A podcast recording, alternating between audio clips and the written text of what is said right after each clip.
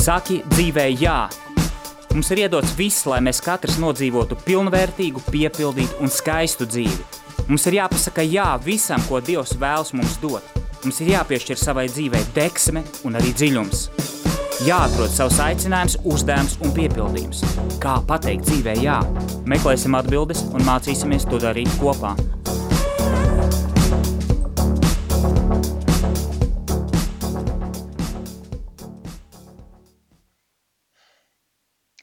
Sveicināti, darbie radio klausītāji!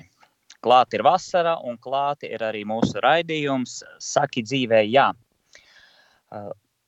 Vēlos ar jums dalīties šodien ar tādu lasījumu, mm, kas tika lasīts no manas puses pirms dažām nedēļām kādā reliģijas zinātņu studentu konferencē. Un tēma šodien, ko es jums piedāvāju paklausīties, ir aizdomāties kopā ar manīm uzdot jautājumu, ko, nu, ko nozīmē būt cilvēkam, kas ir cilvēks, un vēl precīzāk atsaucoties uz apakstuļu aicinājumam par šo jauno cilvēku, kurā viņš aicina ietērpties. Kopā varbūt tās tādu īsu brīdi atkal pameklēt impulsus, kas tad varētu būt šis jaunais cilvēks, par kuru runā apustulis, un um, pameklēt atbildes kopā ar mani. Uh, saulēcīgi arī saku, ka uh, jūs varat arī atsūtīt kādu savu jautājumu, ko mēs beigās varam arī kopā pameklēt atbildes. Ja jūs, protams, to vēlaties, tad rakstiet uz studiju. Kontaktus es laikam ne, nevarēšu nosaukt, ja, kā, uz, uz kuriem jāraksta, bet gan jau jūs, kas internetu lieto, ja, atradīsiet vai īsiņas veidā uz radio numuru varat aizsūtīt. Lūk, tad šodienas tēma mums ir jaunais cilvēks. Un apakšnosaukums uh, būtu cilvēka cieņas un identitātes meklējumos. Tas ir tāds neliels referāts, kurā mēs tūlīņās ieiesim, aizdomāsimies, iegrimsim un pārdomāsim. Un manis minētais jau apakstuļa Pāvila citāts ir vēstule Efeziešiem 4. no 20. līdz 24. pantam, kur viņš raksta, ka tad atmetiet savu iepriekšējo dzīves veidu un veco cilvēku sevī, kas savās iekārēs nomaldījies iet bojā Atjaunojieties savā prātā un garā, ietērpieties jaunā cilvēkā, kas radīts pēc dieva taisnībā un patiesības svētumā. Cik patiesi skaists aicinājums, kurš ir tīrs, skaidrs un saprotams mums, mm, jeb, jebkuram praktizējušam, godīgam, sirds skaidram kristietim. Aicinājums, kurš kā skaidrs avota ūdens līdz dvēselē, apskaidrojot prātu un sirdi. Aicinājums, kurš mūs aizrauj, ja iepriekš esam dzīvojuši bez dieva, un pēkšņi esam viņu atklājuši, un viņa žēlsirdīgās esam iepazu, iepazinuši viņa žēlsirdīgo mīlestību, esam tikko viņu satikuši, gatavībā sākt jaunu dzīvi. Bet mēs arī zinām, ka dzīvojam citā pasaulē, kura iet pavisam citu dzīves ceļu, neziņas, sašķeltības un apjukuma ceļu, kas varbūt tās neļauj sadzirdēt šo skaisto apakstuļu aicinājumu, kas varbūt tās mums, ticīgiem cilvēkiem, uh, ir uh, pašsaprotams, kas mūs uzrunā, kas mūs iedvesmo. Bet, diemžēl mēs dzīvojam laikmetā, kad piedzīvojam dziļu cilvēku identitātes krīzi. Vērojot sabiedrībā un pasaulē notiekošo, liekas, ka mēs vairs nespējam atbildēt uz jautājumiem, kas mēs esam, kas ir cilvēks, ko nozīmē būt cilvēkam, kas ir cilvēka cieņa. Spilgtākie novērojumi, ko mēs varam novērot un kuri liek ar bažām sirdī uzdot uh, šos jautājumus, ir pirmkārt nerimstošais, nepārtrauktais ļaunums un naids, kas valda sabiedrībā, pasaulē. Kari, konflikti, agresija, vardarbība, cietsirdība, kurus cilvēks izpauž un, un gribās uzdot jautājumu, kāpēc, kāpēc mēs to visu sevi nesājam, Kāpēc, kāpēc mēs tādi varam būt? Kāpēc mēs neprotam sadzīvot, kāpēc mēs neprotam veidot attiecības? Un tas, protams, ļaunuma visus darbus un sekas mēs varam redzēt un uzskaitīt, jā, un to ir bezgalīgi daudz, un tas izraisa lielu pārdzīvojumu un skumjas sirdī. Tāpat tās arī nemitīga cīņa par varu un par savu vietu pasaulē konkurence politikā, izglītībā, uzņēmējdarbībā, profesionālajā karjerā. Cilvēks ir nemitīgā cīņas spriedzē. Esot starp cilvēkiem, cilvēkam ir nemitīgi jācīnās, jāpierāda, kaut jātaisnojas. Tāpat arī mēs redzam, ka ir šī nerimstošā, slimīgā vēlme tapt atzītam un iegūt uzmanību. Pavērojot tos pašus sociālos tīklus, kuros cilvēks tiešām ir kā tīklos iepinies, kuru publicē attēlus ar saviem ēdieniem, suņiem, kaķiem, pastaigām, bērniem, restorāniem, izklaides centriem, skaistumkopšanas saloniem, dažādiem tur līdzekļiem, tur krēmiem un tā tālāk. Atspoguļot gandrīz vai katru savu soli, sociālo tīklu, cilvēks gaida savu, savu atzīšanu, šo sirsniņu vai šo laiku veidā, Brīžiem šķiet, ka cilvēks eh, caur to visu lūdzas, nu, paskatieties, cik es esmu svarīgs, cik mana dzīve ir nozīmīga, cik daudz es laba daru, cik labs esmu, cik vērtīgs, cik pareizs. Atzīstiet, taču mani pieņemiet, lūdzu. Tāpat arī mēs redzam dzimumu cīņas. Cīņas, kuras pēdējos gados kļūst arvien asākas. LGBT uzbrukumi tradicionālajām sabiedrības vērtībām kļūst arvien rafinētākas. Lai arī šī tēma ir ļoti jūtīga, sāpīga un liek sirdī augstās trīsās nodrebēt, jo runa taču ir par vīrieša, sievietes un viņu bērnu identitātes pastāvēšanu nākotnē. Ir skumji saprast, cik tālu cilvēks ir aizgājis no sevis, ja elementāri skatoties uz savu ķermeni, viņš vairs nespēja pateikt, kas viņš ir. Lai arī ķermenis viņam norāda uz viņa pirmkārt dzimuma identitāti, un visas tā funkcijas to apliecina, viņš vairs nespēja saprast, vai viņš ir vīrietis vai sieviete. Tāpat arī sabiedrības polarizācija, mediju manipulācijas ar informāciju un sociālo tīklu algoritmi liek sabiedrībai asi šķelties. Šķiet, pati uzbūve ir izveidota, lai cilvēkus šķeltu, veidotu krasas atšķirības, liekot cīnīties par savu taisnību, iesaistīties strīdos, komentāru kaujās, liekot justies piederīgam kādai viedokļu grupai, liekot justies kā patiesības un e, taisnības karavīram, kurš ar putām uz lūpām tagad atmaskos tos īstos vainīgos vai pierādīs galēji neapstrīdām patiesību. Un gribās uzdot jautājumu, kam tas ir izdevīgi? Kam ir izdevīgi, ja cilvēki pavada laiku risinot, naidpil, rakstot naidpilnus komentārus, pierādot savu pārliecību? Kam ir izdevīgi, ja cilvēks ir apjucis, sabiedrība sašķelta, patiesības un vērtību vienotība vairs nepastāv? Mēs esam kļuvuši par tiem dzīves ceļa gājējiem, kuri šobrīd nespēja viens otru sadzirdēt, saprast, iejusties un pieņemt. Un jāuzdod jā, nāko, nākošais jautājums, kāpēc? Viena no daudzajām atbildēm, un, protams, būtu svarīgi visas atbildes meklēt un visas sastaistīt, bet e, viena no tām ir tā, ka cilvēks neizprot sevi. Kāds ceļš būtu ejams mūsu laikmeta cilvēkam, kurš meklē sevi, vai vismaz vēlas sākt sevi izprast? Mūsdienu ukrāņu filozofs un publiskais intelektuālis Andrejs Baumēsters kādā no savām lekcijām aicina izpratni par sevi sākt ar sevis un pasaules izziņu un piedāvā divus skatījumu punktus, balstoties uz kādu Marka Aurēlija, Romas imperatora citātu.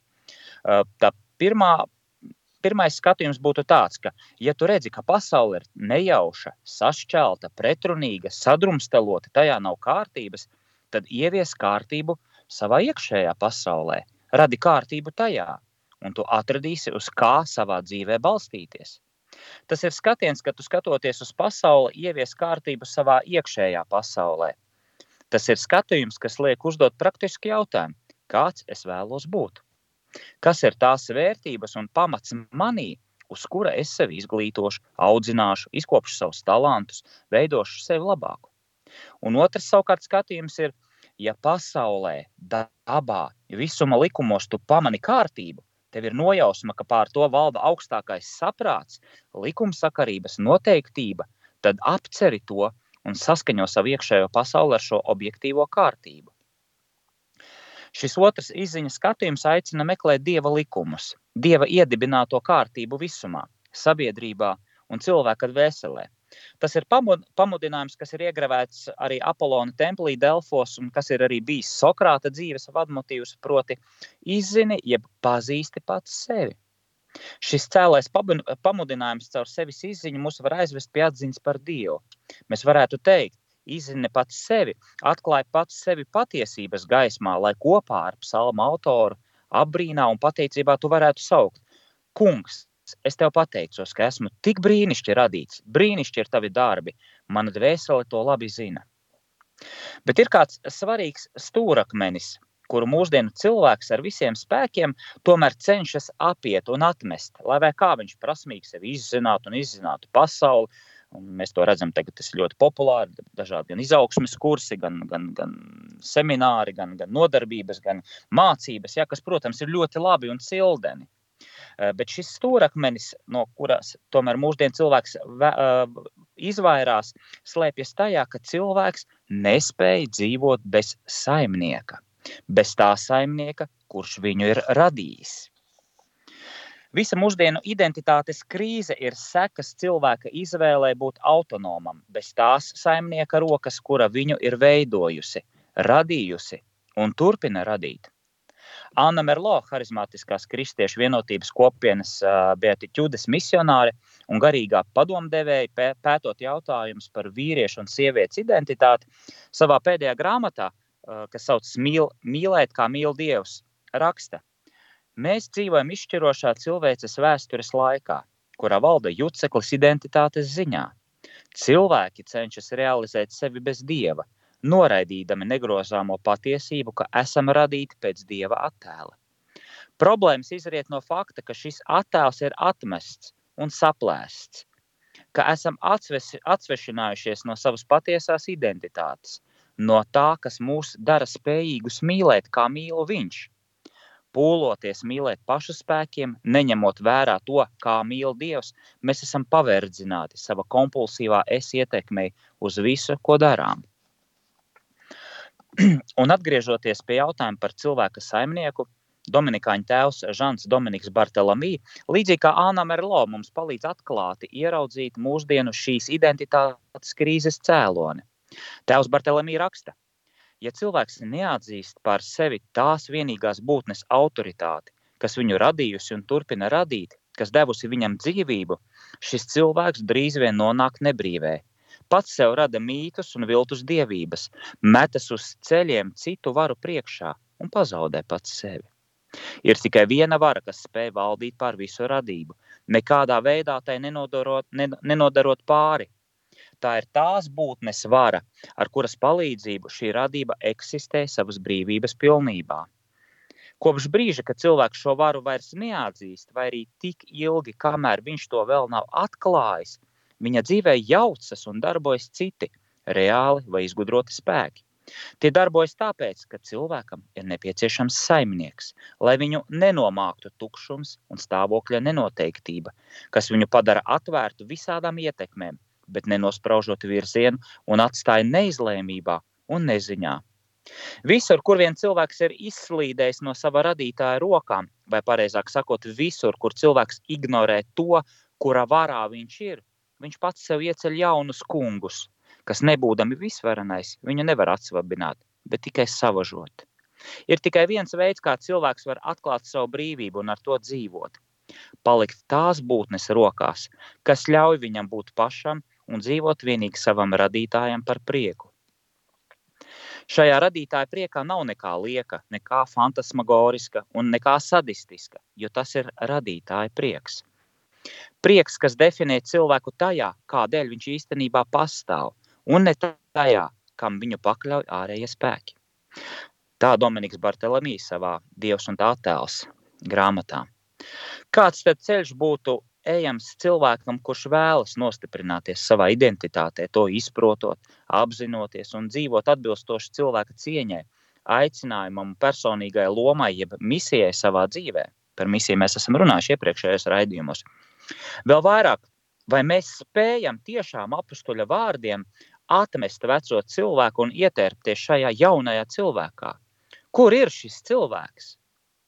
Izpratni par šo jautājumu mēs varētu padziļināti meklēt trijos virzienos, bet tiešām meklēt. Tas nav jautājums, kuru mēs vienā raidījumā varētu atbildēt, bet te varētu veselu disertāciju izstrādāt vai, vai, vai tiešām veltīt kādu laiku meklējot atbildes par cilvēku, par šo jauno cilvēku. Un tad tas pirmais virziens būtu meklēt uh, antropoloģijā, meklēt atbildi, no kurienes mēs nākam. Jo pagātne tā ir cilvēka bagātība, mantojums, tā ir vēsture un tā ir daļa no mūsu identitātes. Te mums būtu jāatgriežas pie senajiem grieķu domātājiem un kopā ar Diogēnu, kurš ar iedegtu lukturi staigā pie, pa ielām jāsauc. Cilvēku meklēju īstu cilvēku. Sengrieķu filozofi un, protams, galvenokārt Aristoteles ļauj mums veidot izpratni par cilvēku tieši filozofiskā, antropoloģiskā skatījumā, kas integrētos kristīgajā priekšstatā, ko nozīmē būt cilvēkam. Aristoteļa mācība par krietnu un godīgu cilvēku liek pamatu izpratnē par personas raksturu un tā morālajām spējām, jeb tikumiem, kuru pilnveide, jeb audzināšana mums ļauj sasniegt šo cilvēcisko pilnību, briedumu un brīvību. Tikumi, kurus mūsu laikmeta sabiedrība ir atmetusi kā kaut ko arhaisku, pilnībā neizprotot, ko, tas, ko tie vispār nozīmē, ļautu mums nostiprināties savā raksturā, uzņemoties atbildību un dinamisko aicinājumu kļūt par līderiem viscēlākajā nozīmē. Tas ir tādām personībām, kuri neatkarīgi no sociālā statusa vai profesijas, augot paši ar savu dzīves kvalitāti, kļūt par piemēru autoritātēm un iedvesmas avotu citiem. Otrs virziens, kur mēs varētu meklēt jauno cilvēku, ir pašā identitātē. Cenšoties izprast pašu identitātes jautājumu, kas tad ir cilvēks un viņa, viņa identitāte, ko tas nozīmē. Mums nav cita identitāte kā tikai tā pati, ko esam saņēmuši no Dieva, Dieva bērna identitāte. Līdz ar to mums sevi ir jāmeklē Dievā. Arī Jānis Pāvils II aicina skatīt sevis pazīšanu, sākt no skatīšanās uz Dievu. Tāpat tās līdzīgi kā mēs tikko citējām Annu Merlo un Tevu Bartelamī. Tad mums būtu jāmeklē cilvēka identitātes pirmtēls, konkrētas iezīmes, kas raksturo cilvēku un tādu dievišķo tēlu, pēc kura tas ir radīts. Un te būtu jāiedziļinās filiācijas žēlastībā. Mums ir jāapzinās Kristus dzīvā Dieva dēla nopelns, caur kuru ik viens kristītais ir šķīstīts caur kristības sakramentu no pirmdzimtā grēka. Kristus nāve un augšām celšanās nodrošina cilvēkam dāvātā goda atgūšanu, kura saglabāšanai viņš ir aicināts. Šis gods nozīmē būt par Dieva bērnu, jeb dēlu vai meitu. Pats Kristus atbild un parāda, kas ir cilvēks un kādam ir jābūt cilvēkam. Un visbeidzot, trešais virziens, kur mēs varam meklēt uh, sevi, identitāti, uh, ir dialogs. Dialogs, caur kuru mēs spētu iziet ārpus sevis un atklāt sevi kā būtnes, kuras ir radītas dzīvē, komunijā ar sevi, ar tuvāko un ar Dievu. Dialogs ietver sevi kādu nosacījumu, Un tā ir žēlsirdības loģika. Lai cilvēks atrastu sevi, viņam ir ne tikai jāizzina sevi, bet varbūt pat pirmkārt viņam ir jāizlīkst. Šai izlīkšanai ir trīs dimensijas. Cilvēkam ir jāizlīkst ar sevi, ar tuvāko, ar Dievu. Izlīkstot ar sevi, mēs pieņemam sevi, mēs piedodam sev un pazemībā ļaujam sev pašiem būt. Izlīkstot ar tuvāko, mēs pieņemam arī otru Mēs atveramies dialogam ar viņu un esam gatavi mācīties mīlēt viņu tik un tā. Un visbeidzot, izlīkstot ar Dievu, mēs ļaujam viņam mūs dziedināt, ļaujam viņam mūs mīlēt un atgriezt mūsos viņa attēlu, šī jaunā cilvēka attēlu, kuru mēs paši esam pazaudējuši un saplēsuši. Līdz ar to jaunais cilvēks ir žēlsirdības kultūras veidotājs. Mēs nevaram runāt par identitāti un par humānu sabiedrību, ja paliekam pie aci pret aci likuma. Žēlsirdība prasa kļūt jūtīgam pret cilvēku vajadzībām. Žēlsirdības kultūra spētu izmainīt sabiedrību visos tās līmeņos, un pie tam vēl ļoti ātrā laikā. Jo žēlsirdība atgriež cilvēku pie sevis paša, pie sava zaudētā attēla. Piedzīvojot un pārdzīvojot žēlsirdību, mēs ar gavilēm, cerību un tīru prieku apstuļa mudināti, lai arī godības gaismas apžilbināti, apžilbināti spēsim atmest veco cilvēku un ieterties jaunajā cilvēkā, pilnā cieņas, cēluma, gaismas un spēka. Kristus šajā ieģerbšanas ceremonijā ir mūsu pirmtēls, skolotājs un paraugs. Kā to saka arī tēvs Dominiks Bartelamī, tad tie, kas bija valkājuši zemes cilvēka izskatu, jo bija pirmā cilvēka Ādama pēcteči, spēs pēdējā Ādama starojumā valkāt debesu cilvēka izskatu, kura godību jau bija skatījis Ezehiēls. Tieši viņš ir neredzamā dieva attēls, un caur viņu cilvēki ir aicināti novilkt drānas no sevis veco cilvēku līdz ar viņa darbiem un apvilkt atjaunoto cilvēku, kas ir atjaunots saprašanā, pēc radītāja tēla. Lūk, paldies! uh, mīļie draugi, par to, ka uzklausījāt šīs manas pārdomas. Um, varbūt tās mums studijā ir ienācis kāds jautājums. Mums šodien tehniski Jolanta atbalsta, kā tur izskatās. Sveiks, Egīli! Jā, esmu kā vienmēr studijā. Un šajā brīdī nav ienācis neviens jautājums. Un, jā, bet jā. saku tev paldies par šīs sezonas raidījumiem, kurus tu mums uh, vadīji un nodrošināji. Paldies tev! Jā, Jā, nu liels paldies pirmām kārtām par iespēju. Jā, es sākumā pašā ne, nepateicu, bet šis ir šīs sezonas noslēguma raidījums. Un, un tad ir vienkārši brīvdienas. Raidījums es, es ļoti ceru un, un domāju, ka turpināsies ar jaunu spēku, ar jaunām idejām, ar jaunām tēmām, varbūt ar kaut kādām novitātēm. To mēs, to mēs vasaras laikā būs iespēja apdomāt, ko mēs varam uzlabot. Un, protams, jūs arī, darbie radioklausītāji, jums ir kādi ieteikumi, rekomendācijas, varbūt tās ir kaut kādas tēmas. Es centīšos arī savos varbūt sociālos tīklos eh, nopublicēt, varbūt ir tēmas, kas jums būtu svarīgas, kuras būtu, par kurām jūs vēlētos eh, parunāties, dzirdēt kādu citu skatījumu punktu. Es tiešām labprāt sagatavotu priekš tā raidījumus. Tiešām varbūt mēs no radio eh, Marija puses, es no savas puses kopā ar Radio Mariju, mēs varētu sagatavot tādu piedāvājumu, ka var sūtīt kaut kādā laika posmā tiešām savus ierosinājumus. Un tas būtu ļoti jauki, jo viens ir tas, ka es runāju pēc savas iedvesmas, kā tāds dzinieks, vai, vai poets, jā, vai, vai, vai, vai, vai rakstnieks, jā, vai tās tēmas, par kurām es domāju.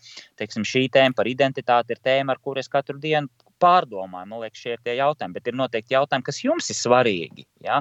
Un, un, un kāpēc gan ne? Es būtu gatavs, gatavs papētīt, pameklēt materiālus, censties atbildēt, kādu skatījumu punktu ieraudzīt. Kā droši sūtiet uh, gan uz e-pastu, Egijos Purviņš, at Gmail vai jebkurā sociālā tīklā, Facebook, Instagram.